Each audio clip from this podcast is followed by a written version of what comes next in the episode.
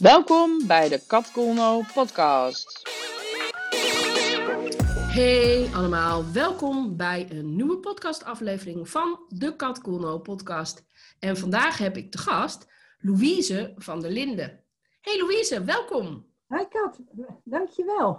Goedemiddag. Wat leuk dat jij er bent. Ja. Ehm, ik vind het echt heel leuk om jou uh, te interviewen, want ik ken jou helemaal niet. Nee, dat klopt. Helemaal, nou, eigenlijk bijna niks over jou. Ik weet één ding weet ik over jou. En dat is dat je iets met Zweden hebt. En um, ja, ik, uh, daar gaan we het vast over hebben straks. Maar ik vind het leuk om eerst eventjes te weten... Nou, wie ben je, heb je al verteld. Maar wat doe je? Wat houdt jou bezig? Wat drijft jou? Wie is Louise? Vertel. Wie is Louise? Nou, ik ben, uh, uh, ik ben 52 jaar inmiddels en ik, kom, uh, ik ben geboren in Portugal. Dat, dat is een dorpje onder de rook van Rotterdam. Ehm, en inmiddels woon ik in, in Barendrecht. ik, heb, ik heb een dochter gekregen en woon nu samen met een man die heeft twee, twee zoons. Dus wij hebben een samengesteld gezin. En ehm, ja, mijn werk, ik heb, uh, ik heb jarenlang uh, op een internationaal verhuisbedrijf gewerkt toen ik, toen ik jong was. Uh, later ben ik via school van mijn dochter gaan werken op de scholen. Ik was eigenlijk ik was gestopt met werken omdat ik voor haar wilde zorgen. Ik wilde e echt voor mijn kind zorgen. Zeven jaar echt fulltime ben ik moeder geweest.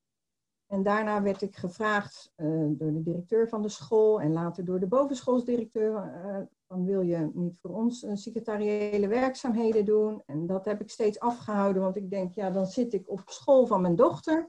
Daar loop ik dan rond en dat, uh, nou, dat, dat geeft haar misschien een, eh, een, een gevoel van, in ieder geval van niet vrij zijn. En dat wil ik, wil ik voorkomen.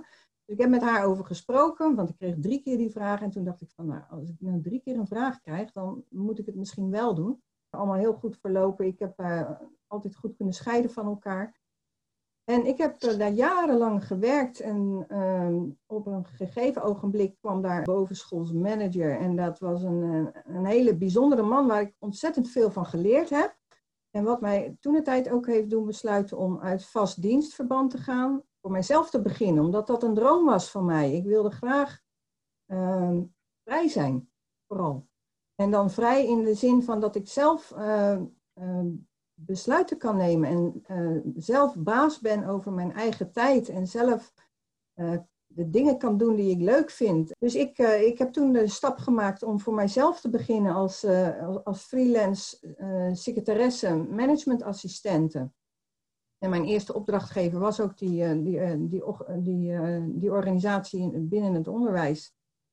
En ik ben toen ook eh, heel erg gesteund door die bovenschoolsmanager. Die heeft mij heel erg veel geleerd. En vooral geleerd om uh, nou, naar jezelf te luisteren, maar ook naar mensen te luisteren. Echt te luisteren naar wat mensen te vertellen hebben. En dat heeft, mij, uh, ja, heeft van mij ook een ander mens gemaakt. Uh, qua gezin kom ik uit, gewoon uit een traditioneel gezin. In, de, in, in die zin van dat mijn vader werkte heel veel op reis was. En dat mijn moeder degene was die, uh, die het thuis regelde voor mij en voor, voor mijn zusje dan. Ik heb nog een jonge zusje.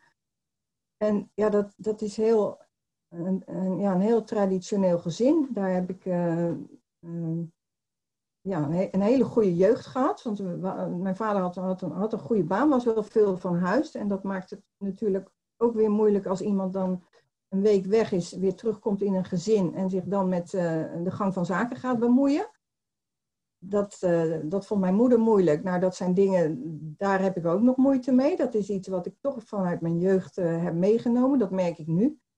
Uh, of dat, dat, dat merk je op een gegeven ogenblik, dat je natuurlijk eh, ja, dingetjes met je meesleept.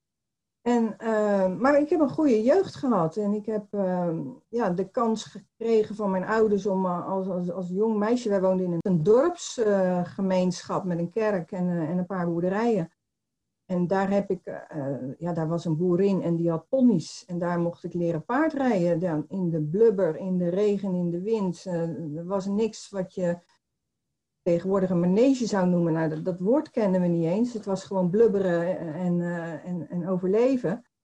En daar is mijn liefde voor dieren vooral ontstaan. In de eerste instantie natuurlijk voor paarden. En ja, later allerlei andere dieren en, en vooral schapen op de een of andere manier een enorme liefde voor schapen ontwikkeld. Daar al als klein meisje zat ik al uh, ja, met, op mijn knietjes bij de bevallingen om te kijken hoe dat allemaal ging. En, uh, en als er wat geholpen moest worden, dan mocht ik dat doen met mijn kleine handje. Van jongs af aan ja, een buitenmens.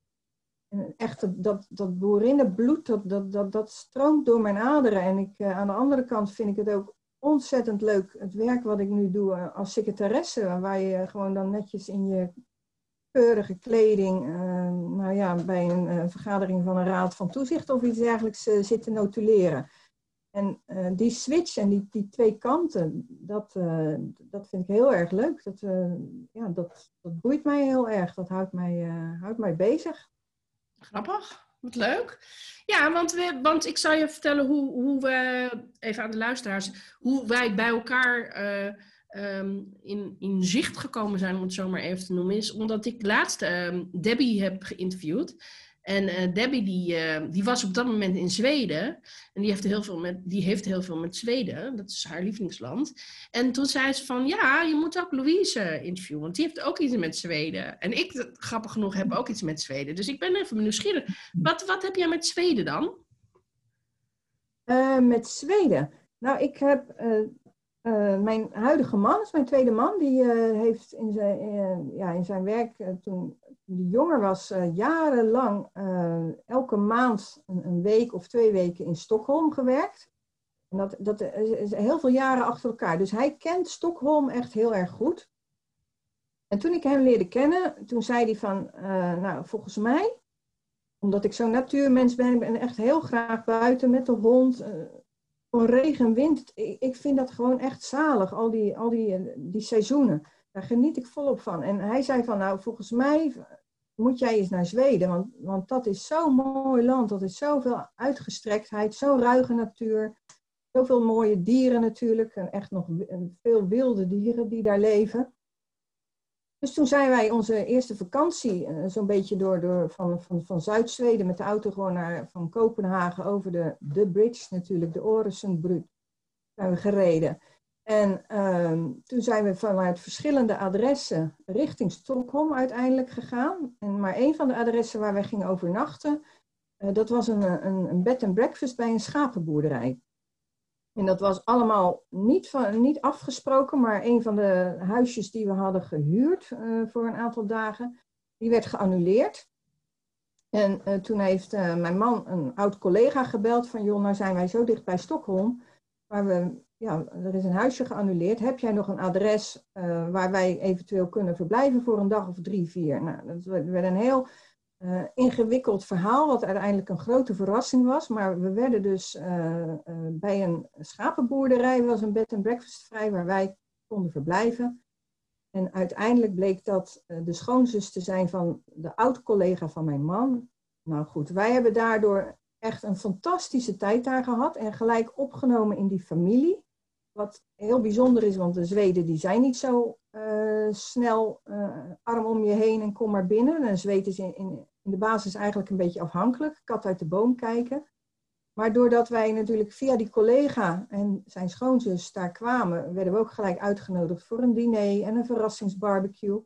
Nou, dat was geweldig, maar zij had ook een schapenboerderij, of een boerderij met allemaal schapen. En uh, dat vond ik vooral geweldig.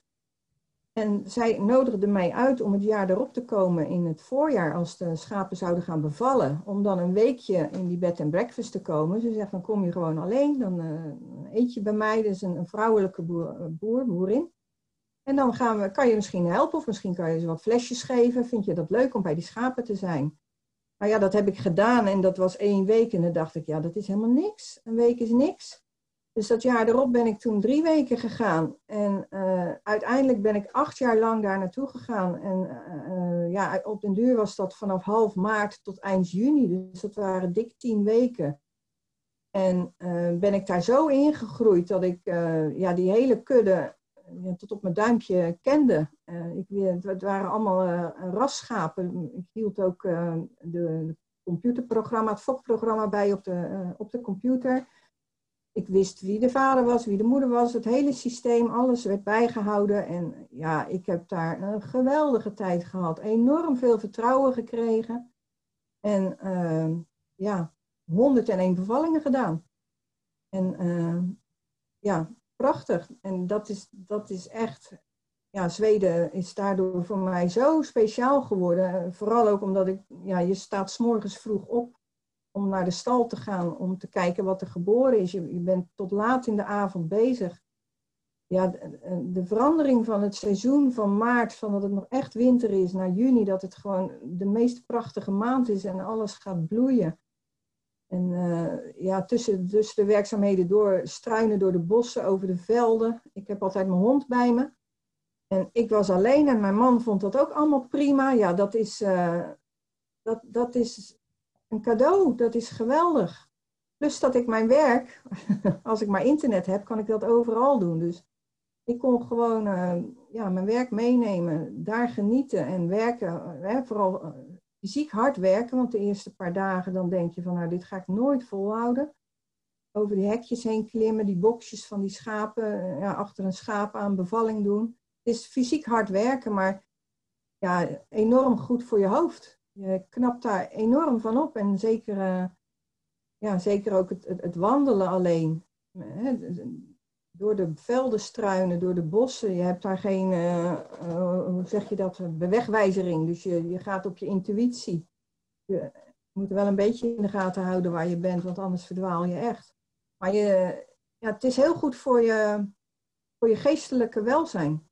Om, om e-, op een hele andere plek te zijn, dat ten eerste. Maar ook in de natuur, je heel erg verbonden te voelen met de natuur. Eh, te leren van de natuur. En ja, ook te leren van de dieren. Hoe zij uh, bijvoorbeeld met zo'n bevalling omgaan of met elkaar omgaan. En, uh, ja, dus Zweden heeft een, van een heel klein plekje, is dat een heel groot deel nu van mijn leven geworden. Ja. Mooi verhaal hoor. Het is gewoon een soort scha schapen, schapenboerin, uh, half schapenboerin, half secretaresse. Ja. Wat een, wat een uh, grappige carrière. En ook leuk dat je denkt van dat kan niet, maar dat kan dus wel. Ja, dat kan wel. Ja. Je kan alles combineren. Ja, je, kan, je, ja, je kunt zeker alles combineren. En het, het, het, het uh, wat heel belangrijk is, denk ik, als je het kan, en dat is, dat is niet iedereen gegeven, maar als je als het je lukt om bij je gevoel te blijven en uh, als je weet dat je dat bijvoorbeeld heel erg leuk vindt. Ik wist als kind al op die boerderij dat, dat met die ponies in die blubber en in, in weer en wind. Hè, want het was, ik heb ook gewoon geleerd om naar de lucht te kijken in plaats van naar buienradar op mijn telefoon. Wat voor, dat, dat, dat zit er, dat, dat, zit, dat print je dus in. Dat, dat, dat leer je als jong kind, leer je, leer je wat, wat de natuur is en wat het weer is. En ik ik denk dat mijn geluk is dat ik, dat ik daar zoveel plezier uit heb gehaald en zoveel liefde en zoveel rijkdom voor, van voelde, dat, dat ik ook wist van nou, dat moet ik volhouden. Dus alle keuzes die je maakt in je leven, uh, moeten daar wel in passen. Dat is, dat, dat, dus de, de reden dat ik uh, niet meer in dienst wilde zijn van een baas, uh, is omdat ik baas over, mijzelf wilde zijn. Ik, omdat, ik dat, omdat ik ook wilde uh, dat ik op. Kijk, als ik, als ik hier naar buiten kijk in mijn kantoor en ik zie de zon schijnen. Uh, of, of, of weet ik het wat voor weer. En ik denk, nou ga ik naar buiten. Dat ik kan zeggen van oké, nu ga ik naar buiten. Nu ga ik daarvan genieten. En nu ga ik, ga ik op een later tijdstip, hè, vanavond na het eten. Ga ik dan maar mijn werk afmaken. Hè, als dat kan. Het, het is ook natuurlijk niet altijd dat dat kan. Als ik bij een opdrachtgever zit, dan kan ik ook niet wegrennen. Maar uh, ik heb wel eh, het zo geregeld voor mezelf dat ik een, een, een zekere mate van vrijheid heb gecreëerd. En, en dat heb ik gemerkt dat dat zo belangrijk is. Dat je dat je, dat je, je ja. dromen daarom ook naar kan jagen. Maar het heeft natuurlijk met meer dingen te maken. Ik heb ook een, een partner nu getroffen die, die mij het gunt dat ik mijn droom kan leven. Dat, uh, dat is, ik heb drie, er zijn drie volwassen kinderen die helemaal op zichzelf uh, ja, zelfstandig zijn, op zichzelf wonen. Nou, oké, okay, gedeeltelijk nog thuiskomen, maar ja, die, daardoor kan je natuurlijk ook eh, veel meer je droom leven. En mijn droom is wel om uiteindelijk in Zweden te gaan leven. Ja. Hey, en ehm, je had het al eventjes over je jeugd. En eh, in deze podcast hebben we het over uh, rijkdom in de brede zin van het woord. En over je goud. Maar ehm, ja, rijkdom gaat ook over geld. En ehm, ik vroeg me af, wat heb je van huis uit daarover meegekregen, over geld? Geld? Nou, mijn vader had een goede baan. Wij hadden het financieel goed, maar dat, dat eh, realiseer je pas later. Als kind zijnde wist ik dat niet. En er werd ook geen geld over de balk gesmeten. Wij leefden wel gewoon als, als een, een, een gezin, eh, ja, zoals mijn vriendjes en vriendinnetjes ook leven. Er was helemaal niks, niks raars aan. Achteraf denk je van ja, dat ik een, een pony kreeg toen ik tien jaar was dat was natuurlijk niet iedereen gegeven. Mijn zusje eh, die, uh, was heel erg gek op, uh, hoe noem je dat, mountainbiken. Die kreeg gewoon, of gewoon, die kreeg dan op een gegeven ogenblik een mooie mountainbike. Als je, op dat moment zie je dat niet als kind. Later zie je dat wel, dat je denkt van ja, dat, dat krijgt niet iedereen. En ik heb dat echt altijd zo enorm gewaardeerd. Juist omdat mijn ouders altijd hebben gezegd, uh, nou, een van de uitdrukkingen was van uh, bijvoorbeeld uh, van hard werken is nog nooit iemand dood gegaan. Dus, dus wij moesten als, als zusjes, mijn zusje en ik, wij moesten wel altijd toen we 14, 15, 16 waren, werd wel, moesten wij wel een baantje zoeken. En ik, ik vond het dan niet prettig om een baantje bijvoorbeeld op zaterdag te hebben of, of door de week, want ik had natuurlijk mijn pony en ik, moest, ik voelde me ontzettend verantwoordelijk voor dat diertje. En daar moest ik elke dag naar school naartoe van mezelf en ook uh, in het weekend.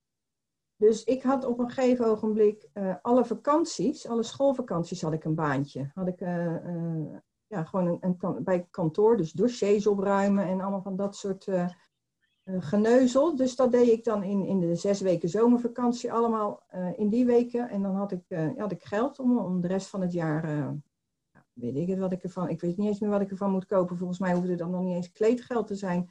Maar gewoon sparen. Dat was ook iets wat, wat gezegd werd. Je spaart voor iets. Als je iets wilt kopen, dan spaar je ervoor.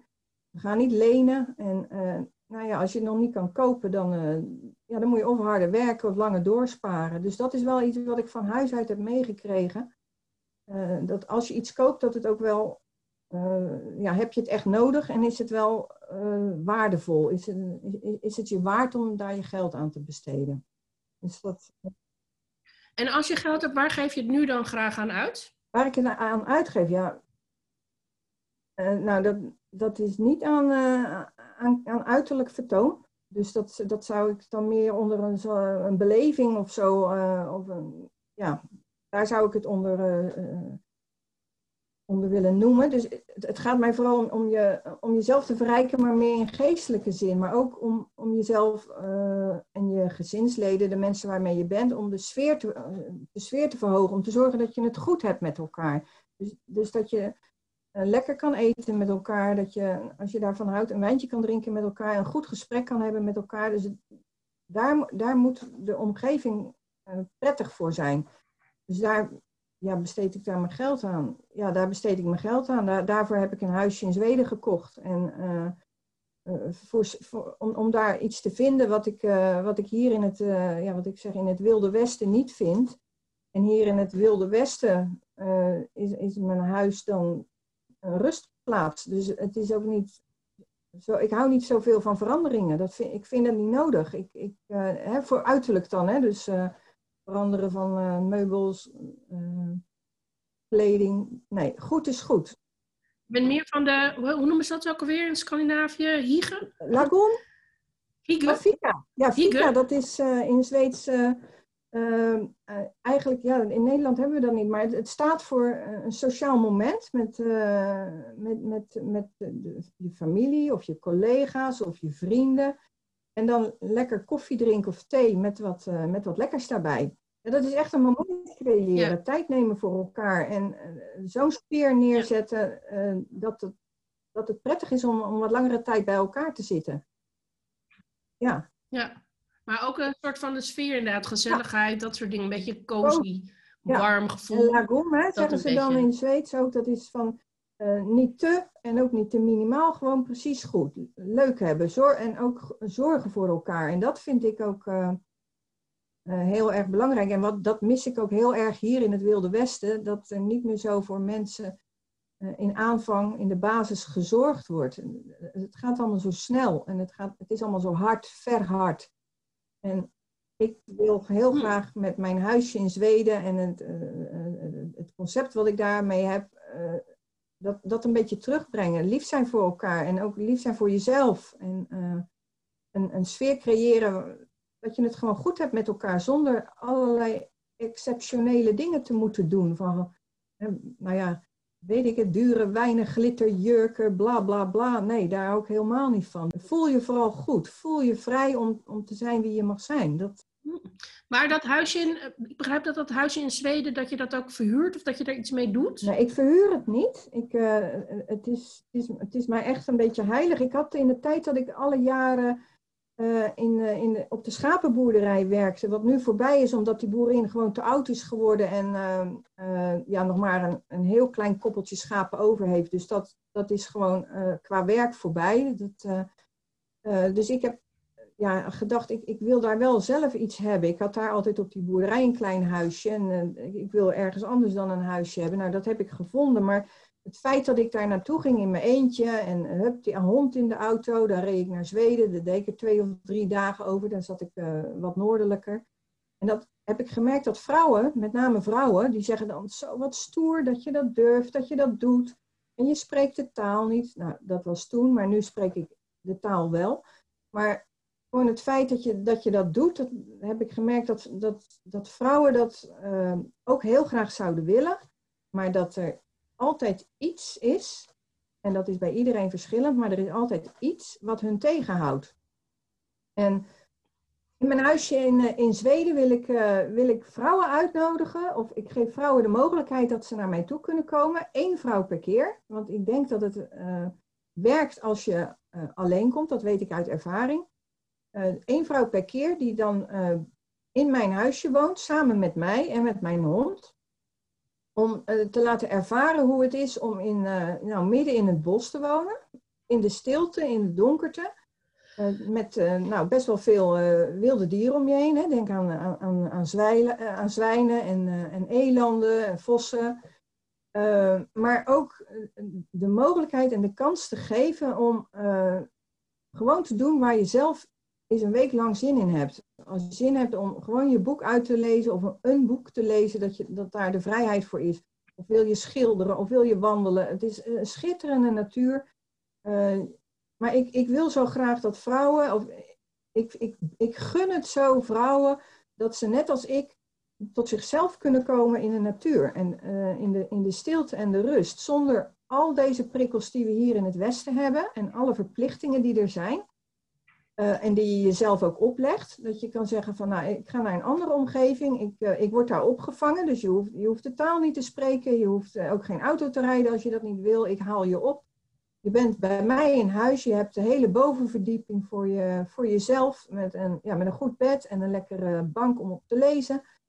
Ehm, er is geen televisie, er is wel een radio en uh, het is eigenlijk een beetje back to basic, maar wel met de, de luxe die we wel gewoon willen. Dus er is gewoon een lekkere warme badkamer, er is warm water.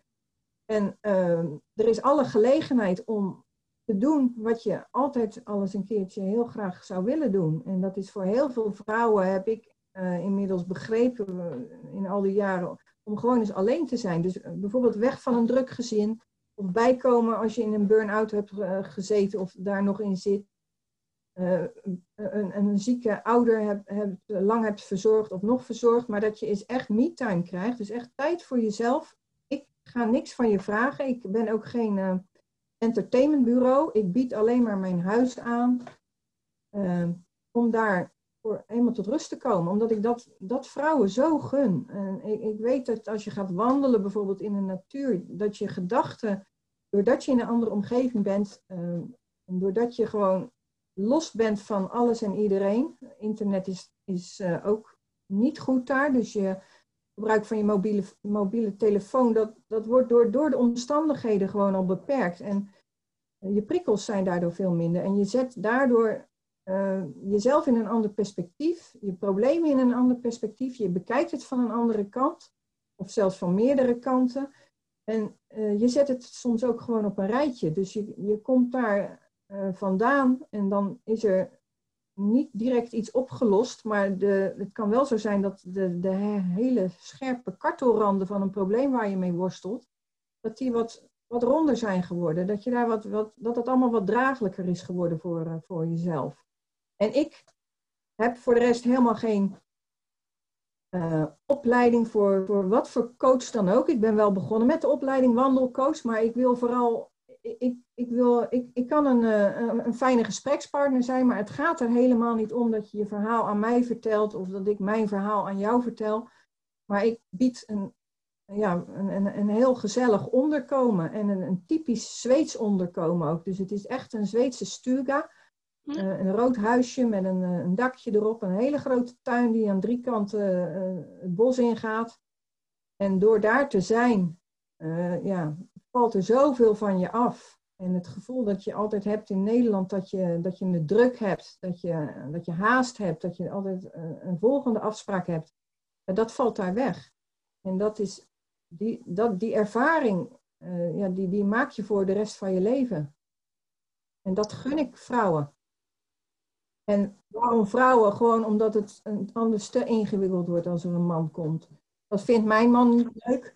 En uh, ik, ik denk dat dat ook niet werkt. Dat, uh, ik vind het ook typisch iets voor. Uh, ik gun het ook een vrouw. Laat ik het zo. Ja, dat is het eigenlijk gewoon. Ik gun het vooral een vrouw.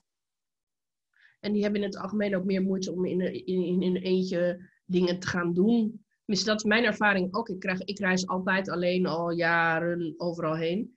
Uh, ook lange tijd en ook, ja, maakt niet uit waarheen eigenlijk. Ja. Ik ga ook alleen uit eten, alleen naar de bioscoop. Ik doe alle, heel veel dingen alleen.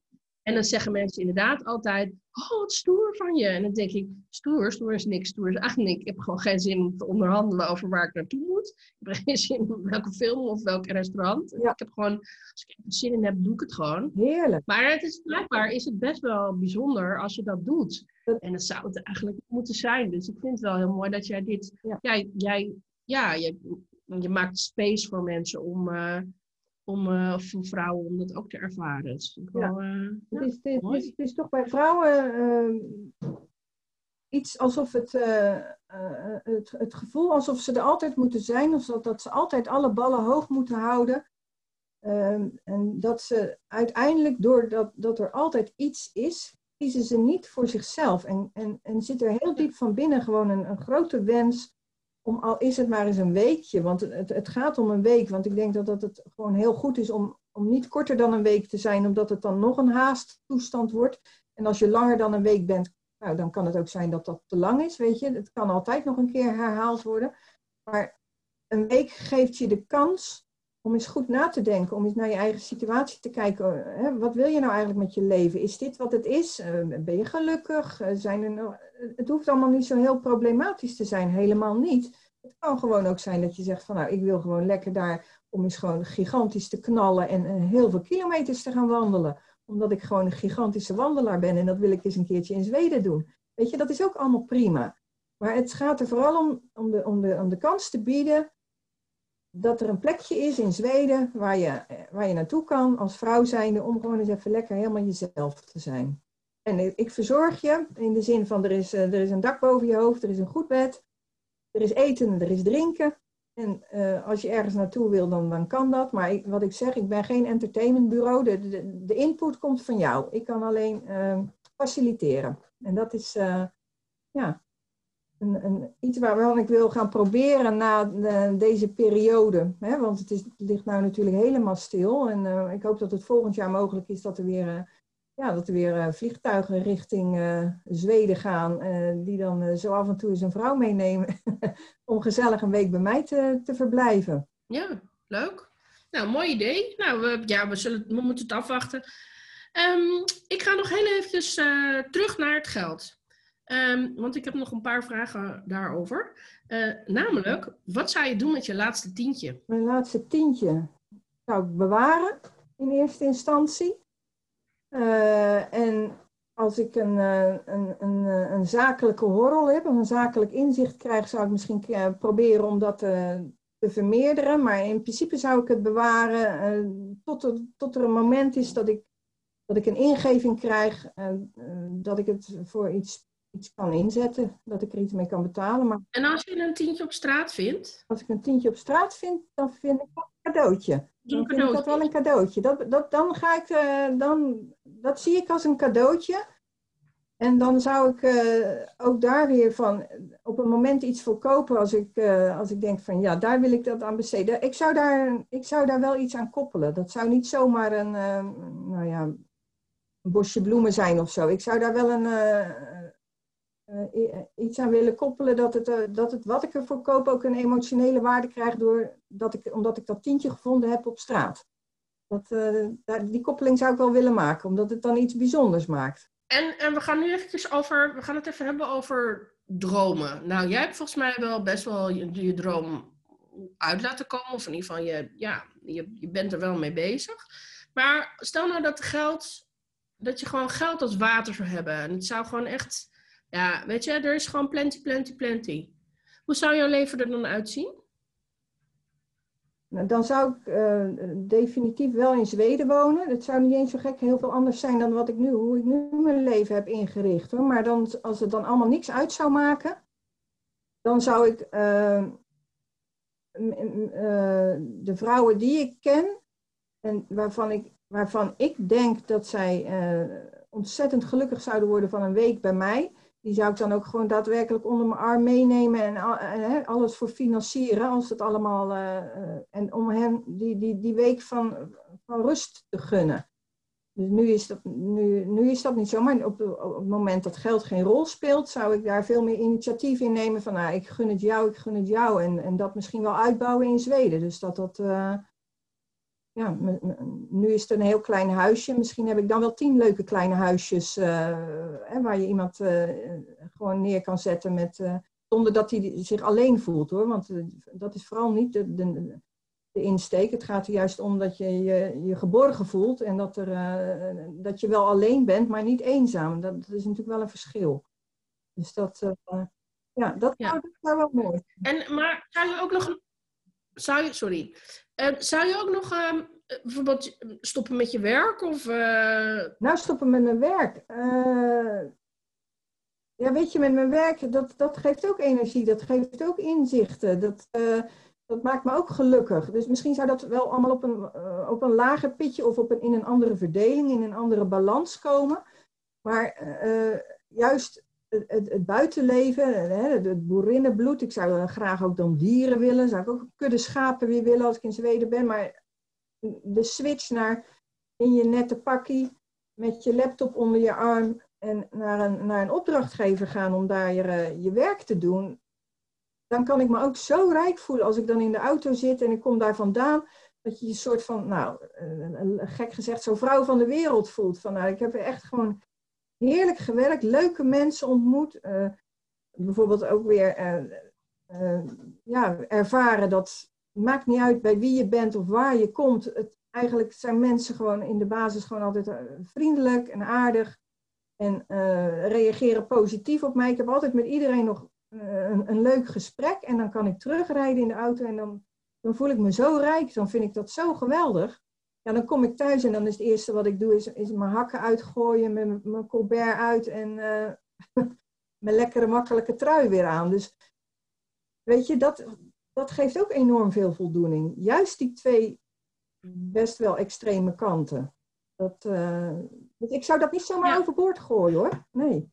nee. Ik heb goed om zelfstandig te zijn. Hè? Het is heel belangrijk om, uh, ja. om, om, om, daar de vrijheid in te houden ook. Dat, ja, alleen maar doordat je heel veel geld hebt en, dan in Zweden gaan wonen, huisjes hebben, mensen blij maken. Dat geeft natuurlijk ook heel veel voldoening. Maar persoonlijk heb je ook nog een stukje voldoening nodig. Dat je weer even hebt geknald, dat je weer, weer wat hebt neergezet.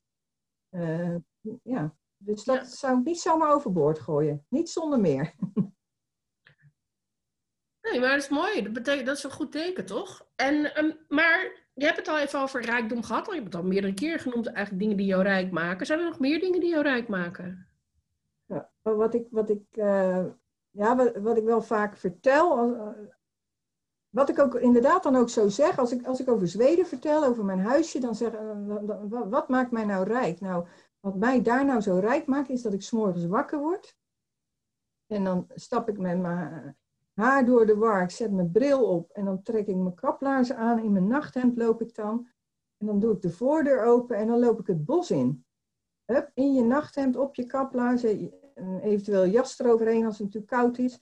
En dan loop ik een rondje met die hond van uh, nou, 15 minuten, 20 minuten. Dat is een, eh, een, een prachtige wandeling door het bos. Uh, hè, inmiddels volg je dan een beetje de, de route waar ook de wilde dieren lopen. Dus daar is het, het gras een beetje plat getrapt. Of is het mos wat platter. Je, ziet dan eigenlijk een route waar je kan lopen. Dat is een prachtig rondje van 20 minuten. Ik kom daar dan helemaal niemand tegen. Ik loop dan in mijn uppie, in mijn, ja, zoals ik zeg, net uit mijn bed. En dan loop je zo'n rondje, je hoort de vogels, je hoort soms nog ja, het, het, het, het gesnurkachtige of het, zware adem van wilde zwijnen die nog in de buurt zijn. Er schiet wel eens een ree weg. Ja, als je het over rijkdom hebt, dat kost helemaal niks. En daar moeten misschien heel veel mensen ook niet aan denken om er zo bij te lopen en uh, of zo misschien gezien te kunnen worden. Maar dat is voor mij absoluut het toppunt van rijkdom. Dat, dat het allemaal niks uitmaakt en dat je midden in de natuur bent, uh, in, de, in de vroege ochtend. Je, bent, je, bent echt, je voelt je zo één met de natuur en je voelt ook tegelijkertijd hoe klein je bent ten opzichte van alles om je heen, de natuur, de dieren. Het gaat allemaal gewoon door, ook al ben jij daar niet. En, en toch loop je daar en, zie je, eh, weet ik het, bloemetjes, paddenstoeltjes, sporen van dieren, uh, poep van, van, van, van dieren. En, en ik verwonder me daarover. Ik kan dan echt dat kwartier lang vol verwondering lopen. En nou ja, daar, daar begint je dag dan mee. Dan kan je dag niet meer stuk. En, en dat vind ik echt rijkdom. En ook, het is, je wordt wakker omdat het licht wordt in, Zweden. Dat heerlijk om dat ritme ook te leven. Dus wat je lichaam aangeeft. Het wordt licht buiten, dus dan word je langzaam wakker. En smiddags in de winter, dan wordt het vroeg donker en dan lig je dus ook vroeg op bed. Dan is het helemaal niet raar als je om negen uur, half tien uh, je bedje induikt. En dat is rijkdom. Als je dat kan en durft te leven. Dat, uh, al die dingen die soort van moeten, uh, los te laten. Gewoon doen wat je lichaam je ingeeft, wat je intuïtie je ingeeft eigenlijk ik vind het altijd leuk ook om mensen over hun. Uh, ik vind het leuk om over hun rijkdom te praten, maar ook over hun goud. En hun goud, dat zie ik eigenlijk als alle kennis, ervaring, inzichten, talenten. Alles wat jij, zeg maar, verzameld hebt in de loop van je leven. En wat je zou kunnen uitdelen aan andere mensen. Als ik jou vraag, wat is jouw goud? Wat zeg jij dan? Ja, Um, als jij met de, met de intro van je, van je vraag uh, betekent goud, uh, zeg maar, zou, zou ik het vertalen van, is, is het het goud wat je verdiend hebt of wat je nog, nog gaat verdienen, doordat je je kunt, uit kunt groeien boven je problemen of het verdriet wat je hebt gehad. Dus dat levert goud op, want dat levert inzichten op, dat levert uh, uh, levenservaring op. En, en daar ga je op door. En dat, dat, dat toont ook je veerkracht. Uh, en en dat, is, dat is goud. Dus het, het gekke is dat hoe meer verdriet of ellende of, of ja, de, de zwarte kant van het leven je misschien gezien hebt, hoe, hoe, groter de kans ook is, als je de veerkracht hebt en, en, en de, de, de, mogelijkheid hebt gekregen om, om, om er iets mee te doen, ja, dan straal je ook. Dan, dat maakt ook dat je, dat je, dat je kan stralen en, en dat je ook ja, heel erg kan stralen. Dus uh, ja, voor mij betekent dat ik, ik, ik heb een hele goede jeugd gehad. Dat zei ik al helemaal in het begin. Maar ja, goed, de relatie tussen mijn ouders, ouders is ook niet altijd helemaal goed geweest. Eh, zelf ben ik gescheiden, maar ik heb ook veel, ongelooflijk veel verdriet gehad van. Uh, uh, ja, ik heb één dochter. Gelukkig heb ik één dochter gekregen, maar ik heb daarna ja, toch flink wat miskramen noemen ze dat dan. En, en, en ook een doodgeboren kindje gekregen. Dus wat later in de zwangerschap je kindje verliezen. En dat verlies waar je ook geen vat op hebt, hè, dat, dat gebeurt dus buiten de regie om. Daar kan je niks aan doen. Je lichaam wil dat blijkbaar niet. Het gekke is dat ik altijd heb gezegd als kind zijnde van, nou, volgens mij ben ik er niet op gemaakt om kinderen te krijgen. En dan prompt uh, krijg ik, uh, mijn dochter die is eh, gelukkig hartstikke gezond, maar die had een enorme groeiachterstand en die is ook met tien weken te vroeg geboren. Dus dat was echt een prematuur babytje. Nou, dan, dan slaat een schrikje om het hart. En, en toch wist ik het.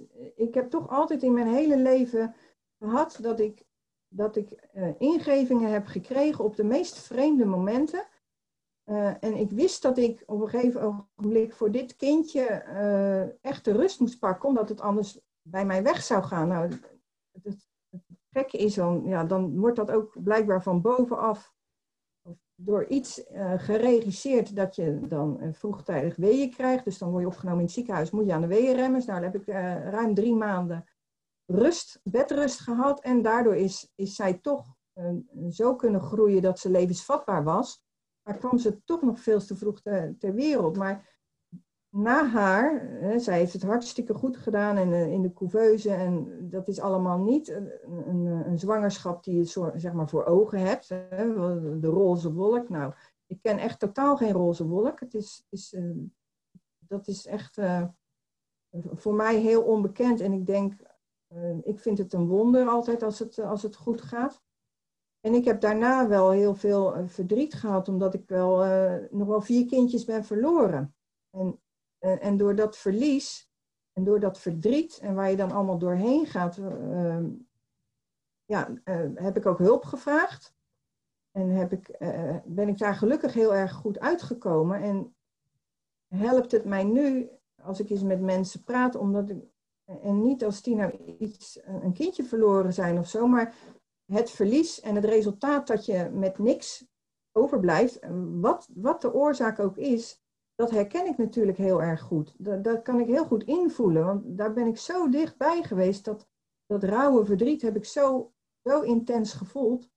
En daar ben ik wel ja, jaren mee bezig geweest om dat uh, een plek te geven. En dat, ja, dat heeft mij nu, levert dat wel goud op als je, als je het zo noemt, hè? zoals jij het in je intro uh, vertelde. Dus dat is voor mij wel goud. De, de levenservaring van, uh, ook van een scheiding, van, je, van, je, van je, je kind een aantal jaar niet zien, uh, de, de verdriet wat het allemaal met zich meebrengt. Dat zijn allemaal dingen, uh, daar kan je zeggen van nou dat stop ik weg en daar wil ik niet naar kijken. Maar uh, het verbittert als je niet aan de slag gaat met de problemen die je, die je tegenkomt. Of uh, je verhardt daardoor en het komt een keer naar buiten. Dus ik vind het altijd heel krachtig als mensen, uh, als ze een verdriet hebben, een groot verdriet hebben, en daar zelf niet uitkomen, dat ze hulp zoeken. Want dat is, dat is zo krachtig. Je, het, het helpt je namelijk verder en het, het zorgt dat je veerkracht waarvan je denkt dat het helemaal weg is, dat het elastiekje helemaal uitgetrokken is, dat je dat terugkrijgt. Want je kan veel meer dan dat je zelf denkt. Dat is, uh, ja, ver, ja, verdriet uh, heeft, levert goud op. Als je... Als je erin zit, dan zie je dat niet. En soms nee. denk je ook van, waar moet ik het allemaal meemaken? Um, ja. Maar het, het voordeel van de shit is dat er altijd ook groei uitkomt. En dat het misschien de bedoeling is dat je daardoor andere mensen kunt helpen. Of dat je andere mensen beter kan begrijpen. Of dat je een luisterend oor voor iemand kan zijn. Omdat je snapt wat het, hoe het voelt. En je hoeft niet alles zelf meegemaakt te hebben om iemand anders te kunnen helpen. Maar het helpt wel.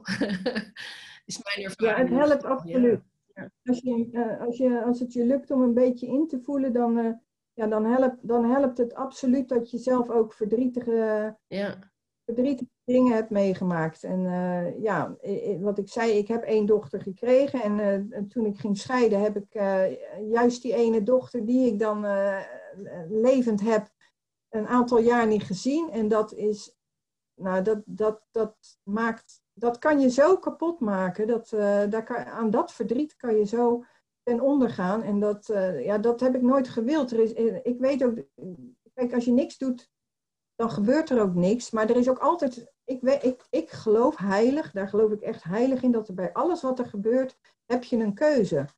alleen soms moet je er even wat moeite voor doen. Maar, eh, en, en niks doen is ook een keuze. Maar ik denk dat er altijd ergens een hand is die je kan pakken om je te helpen. En dat kan soms een, een, een anekdote zijn in een boek, of, of, of iets wat je hoort in een film, of in een liedje, of iemand die iets zegt, of, of, of, of een aardig even net goedemorgen tegen je zegt, waar je dan misschien net even je verhaal tegen kan doen. Er is altijd, hoe klein dan ook, uh, is er hulp, is er een helpende hand. Maar ja, dat moet je wel eh, kunnen en, en willen zien ook. Ja. Dat uh, heeft ook wel iets met wil te maken. Dat denk ik ook wel, ja. En het is ook, uh, en ja, weet je, als, als, als degene die het meemaakt, moet je ook een soort van het vertrouwen houden van dat het ook weer ergens een keer wel weer goed zal gaan. En, ja. en dat is ja. natuurlijk het voordeel ja. van dingen veel meegemaakt hebben, is dat je weet van, oh, die veerkracht die heb ik en die werkt ook. Dat is ook je wel, krijgt vertrouwen. ja. Ja, krijg je daar ook vertrouwen in, ja. Ja. Ja, ja. mooi, mooi. hey, um, um, ja, dat is wel, dat is een vorm van goud inderdaad. Als je dat, weet je, de levenslessen en de wijsheden die je mee hebt gekregen. En uh, dat brengt me eigenlijk ook op inspiratie. Um, vind ik ook altijd een leuk ding. heb, jij, heb jij een boek of iets waarvan jij zegt van nou, dat heeft me enorm geïnspireerd. Dat is mijn favoriete boek. Of dat is echt dat je zegt van nou, zo'n eye-opener. Ik heb ook wel in het verleden uh, uh, veel boeken gelezen van uh, Hans Stolp. Dat, dat, is een, dat was een priester die door zijn, doordat hij homo is, de kerk uitgezet is. En uiteindelijk is hij boeken gaan schrijven en lezingen gaan geven. En, en echt lang geleden hoor, dan praat ik over. Dat, toen was ik, ja, dat is wel 30 jaar geleden, heb ik wel workshops van hem gevolgd. Omdat ik, ik ben helemaal niet gelovig opgevoed en, uh, met de kerk vanuit huis. Maar ik heb wel altijd vanuit mijzelf een zekere zin, een, een, een, gevoel gehad van, van geloof. Ik, ik, ik, ik geloof in en dat er meer is tussen, tussen, leven, en, en, tussen leven en dood, tussen de, hemel en de aarde, hoe je het ook noemen wil. Maar de, uh, Hans Stop was een, man, of is een man, en die, die kan op een ontzettende mooie manier vertellen over de verhalen uit de Bijbel, zonder het zo bijbels of christelijk te maken, maar juist de, de, de, de geheimen die in de Bijbel staan, om je daarop te wijzen. Dus hij zegt ook eigenlijk van, ja, luister eh, tussen de regels door en kijk ook op een andere manier naar, naar de zaken. En dat is gewoon een hele algemene, uh, dat is eigenlijk een boodschap die je heel algemeen kan, kan uh, toepassen. En dat heb ik, daar heb ik wel heel veel van, van geleerd. En hij ja, dat, dat is dan denk ik wel inspireren. Uh, om, om op die manier ook in het leven te staan. Dus weet je, wat je hoort is niet altijd wat er gezegd wordt. Er zit een verschil tussen. Wat je ziet is niet, niet alles wat je ziet is wat het lijkt. Het, het maakt niet dat je kritisch of moet twijfelen of argwanend moet zijn, maar nee, juist geef jezelf de kans om door te vragen of om wat langer te kijken of goed in te voelen. Hoe, hoe voelt het nou? Hoe voelt het nou voor mij? Welk gevoel geeft dat? En dat heb ik daar wel van geleerd. Daardoor ben ik wel geïnspireerd. En later heb ik een boek gelezen van, uh, ik ben niet zo'n lezer hoor, ik ben helemaal geen, uh, ik lees wel, maar nu vooral omdat ik uh, Zweeds moet leren. maar ik heb van ehm, Annette Herfkens heb ik eens, is een mooi boek gelezen, dat ging, ehm, ik moet even denken, de Turbulentie is dat, de titel. En dat ging over een, ehm, dat is een waar gebeurd verhaal over iemand die een vliegtuigongeluk heeft overleefd. En dat was zij dus zelf. Uh, dus het feit, zij heeft toen ergens in de bergen van Vietnam, geloof ik, of zo, daar is dat vliegtuig neergestort. Zij was de enige overlevende en zij is na drie weken gevonden. Dus zij heeft ja, zelfredzaamheid. Dat, zij heeft die veerkracht gehad en zij heeft dat beschreven en zij heeft dat overleefd. En dat heeft zij op zo'n ontzettende gevoelige manier geschreven. Je zit zo in dat verhaal, je voelt zo wat die vrouw daar, meemaakt en welke moeilijke keuzes zij moet maken uh, met al die uh, dode mensen om haar heen, om zelf in leven te blijven, ja, hè, ben je dan egoïstisch? Of, hè, dat, zijn dingen, dat zijn allemaal van die, van die dingen die bij haar opkwamen. Maar om zelf te kunnen blijven leven, moet je soms dingen doen uh, die, ja, die niet binnen de, de standaard normen liggen. Je moet wel eens uh, ja, daarbuiten stappen om, om verder te komen. En, en voor haar was dat natuurlijk heel realistisch om in leven te blijven. Nou ja, goed, dat, dat heeft zij allemaal opgeschreven. Dat was sowieso al heel indrukwekkend. Maar wat vooral ook indrukwekkend was, wat mij greep, is dat zij later uh, trouwde en kinderen kreeg. En toen kreeg zij ook nog een, zoon, nou, niet helemaal zeker, maar ik, in ieder geval met een geestelijke beperking. Ik weet niet, syndroom van Down of wat dan ook. Op een gegeven moment stelt zij in dat boek de vraag: ben ik nou een pechvogel of ben ik nou een geluksvogel? Dus zij heeft zo'n dramatisch ongeluk overleefd. Zij heeft daar natuurlijk lichamelijk heel veel aan overgehouden. Is daar geestelijk enorm door gegroeid. Vindt eindelijk het geluk met een man. Krijgt dan uh, eerst een gezond kind en daarna die zoon. Wat een enorm, ja, wat een kind blijkt te zijn met een enorme zorgbehoefte.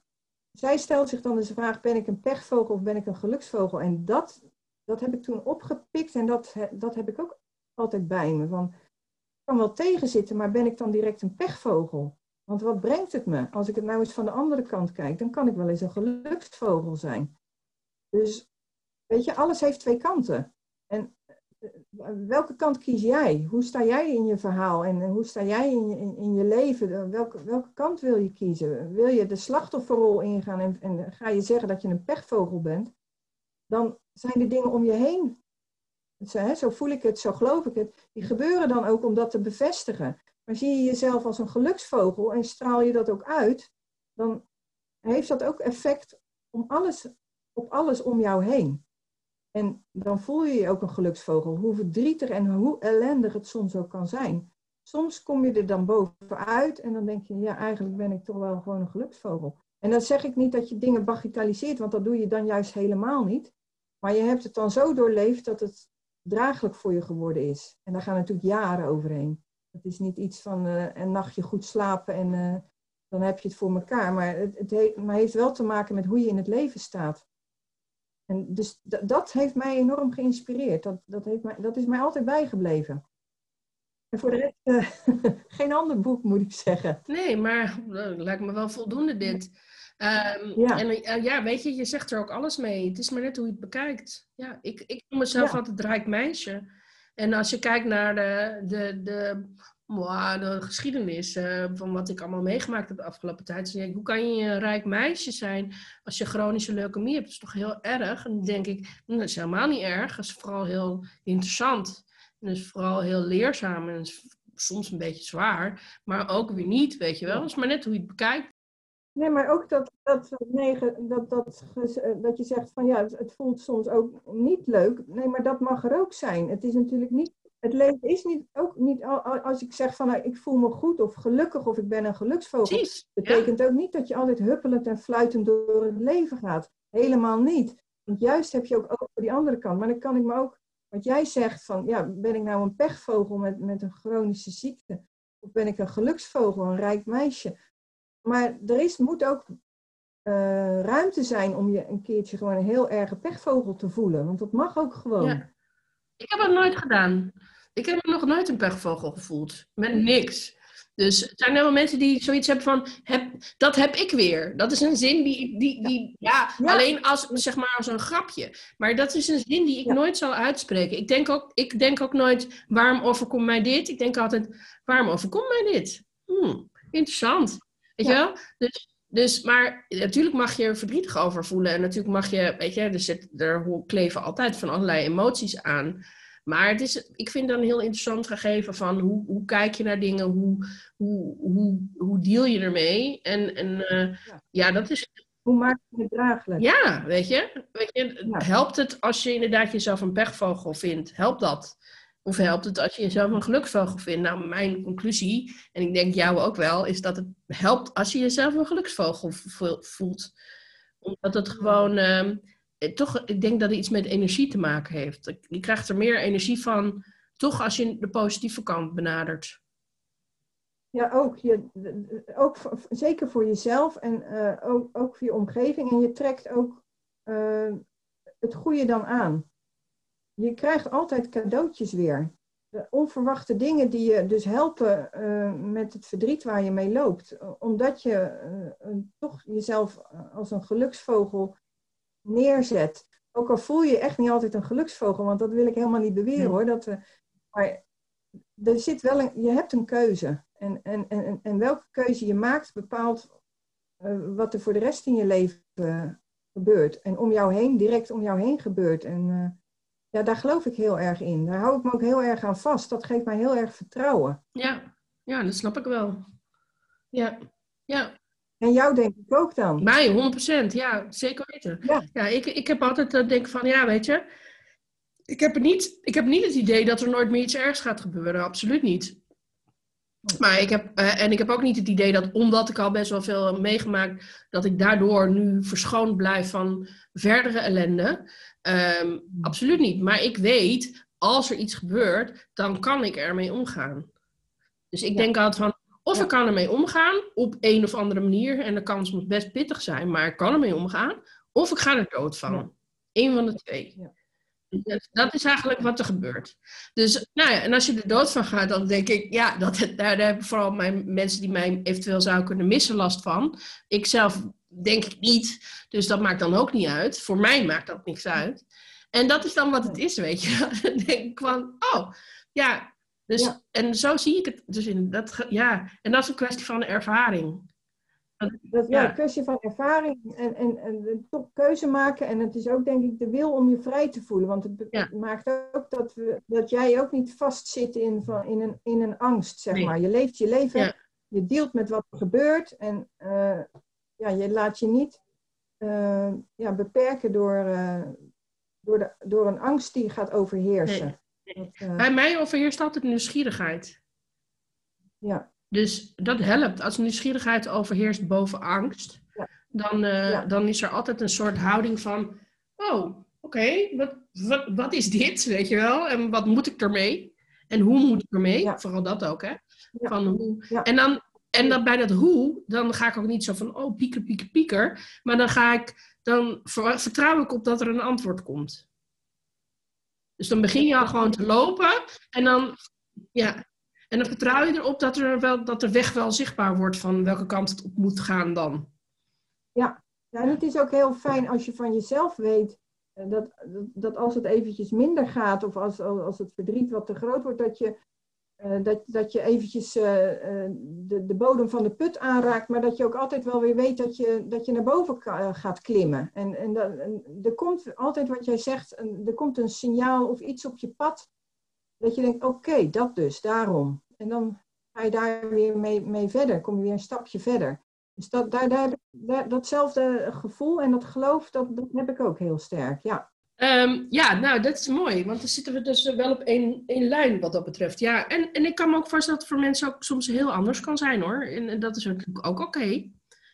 Ehm, hey, Louise, ik ben ook nog nieuwsgierig naar. Ehm, als je mij echt zou kennen, dan zou je weten dat. Vul in.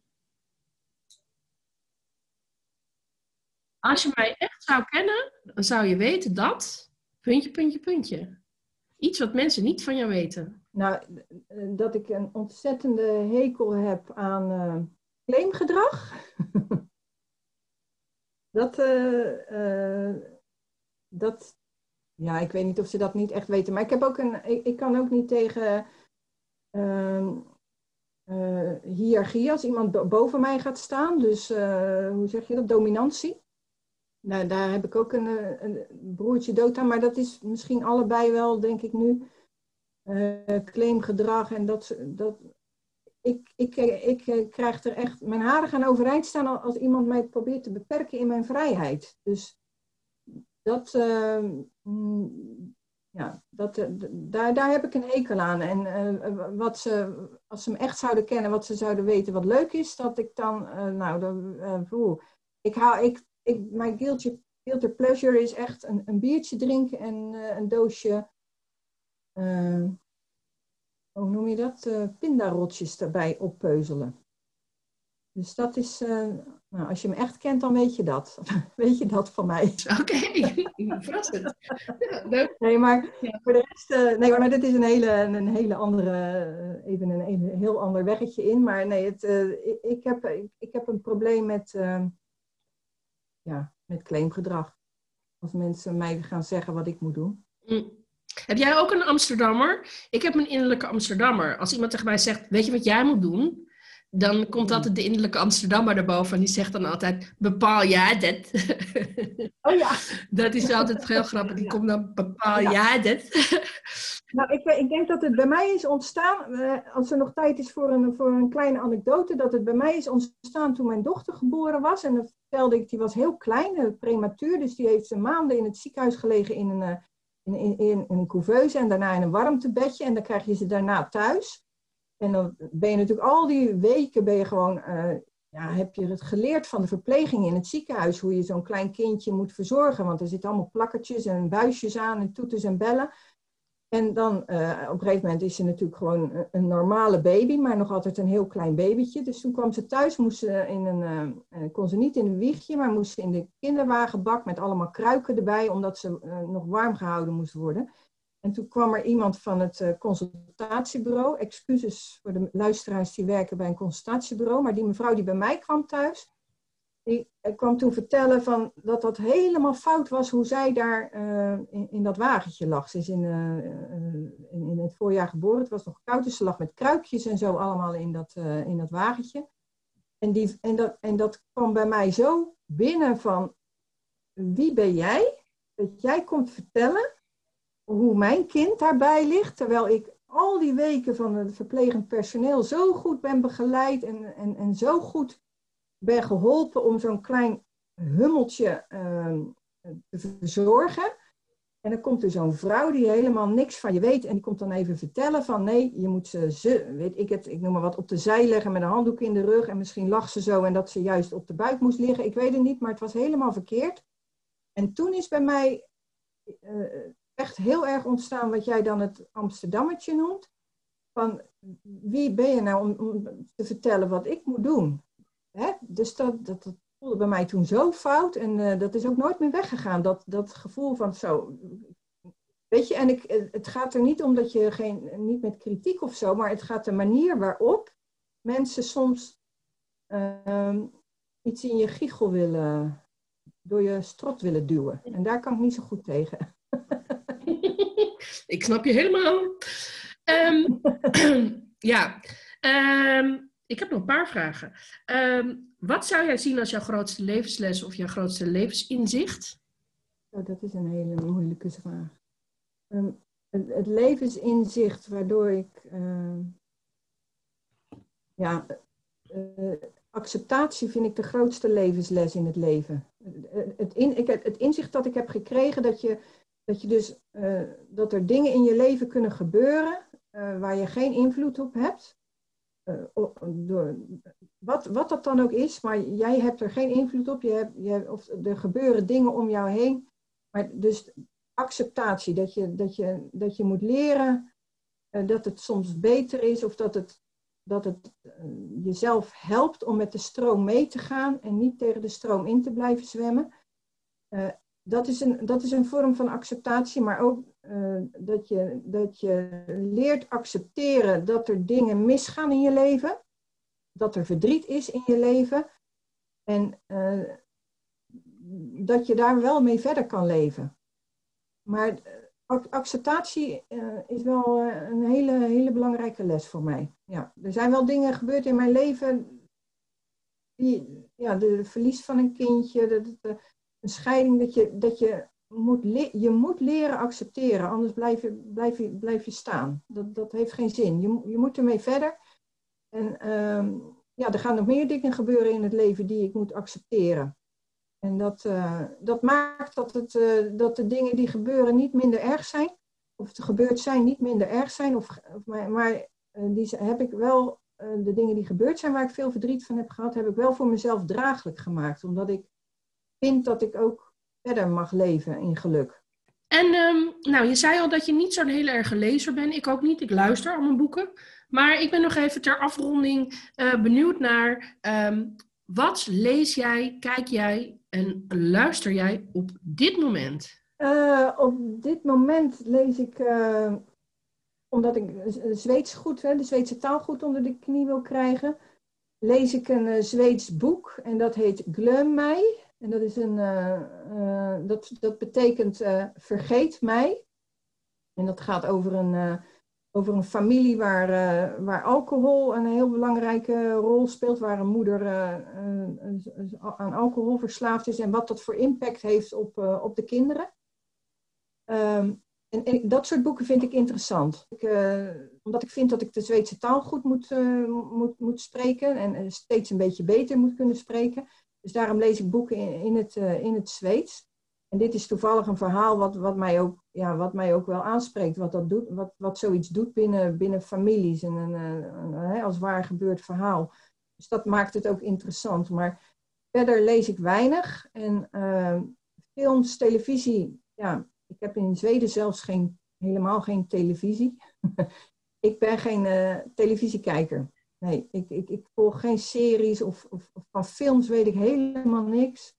Het, uh, het komt wel eens voor dat, dat ik gegrepen word door iets en dat ik uh, dan, dan ga kijken, maar nee, ik zou niks kunnen noemen. Hou, hou je tijd al voor andere dingen. Ik kijk heel veel Zweedse series, daarom ik, ik ben Zweeds door de Zweedse series.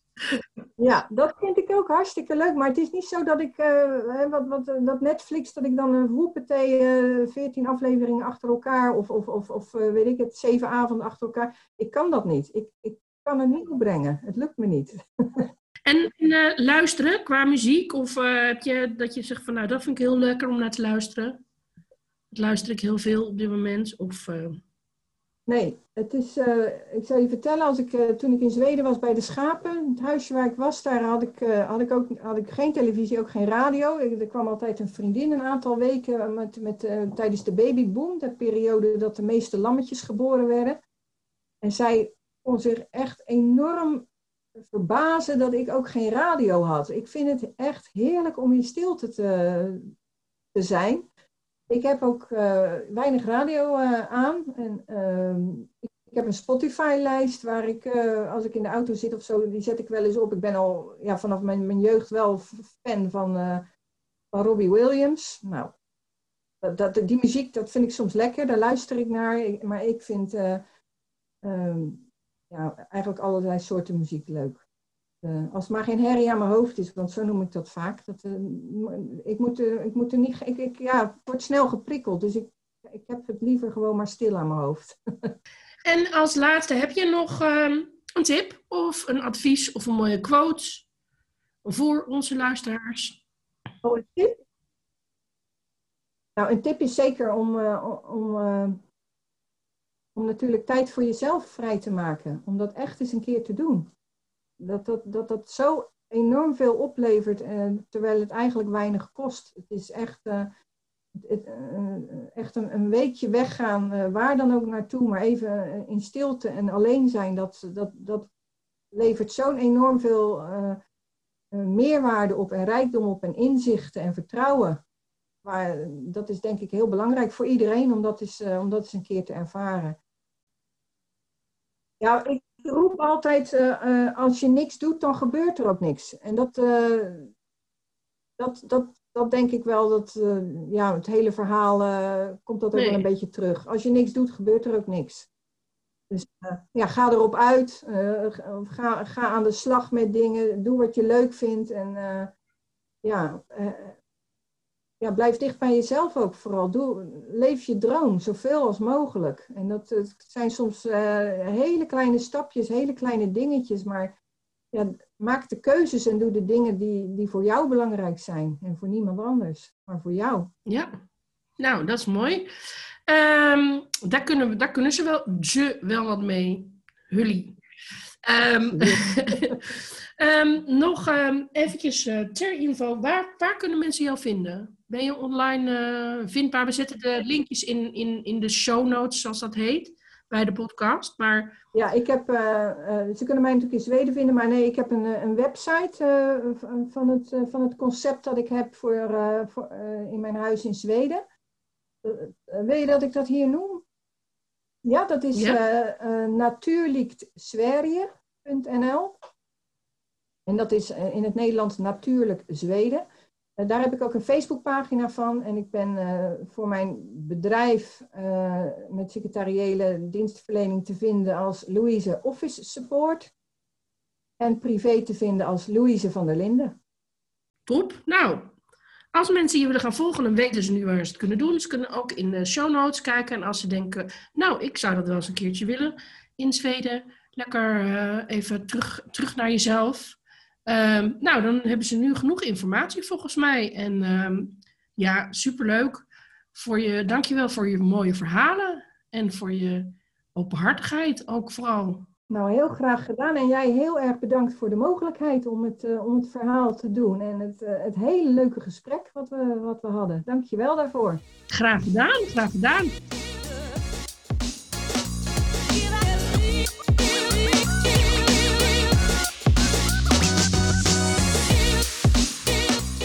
Dankjewel voor het luisteren naar deze podcast. Mocht je willen connecten of meer informatie willen hebben, dan kan je me vinden op LinkedIn en op Instagram, katkolno, ten aan het eind. Tot de volgende keer. Ciao.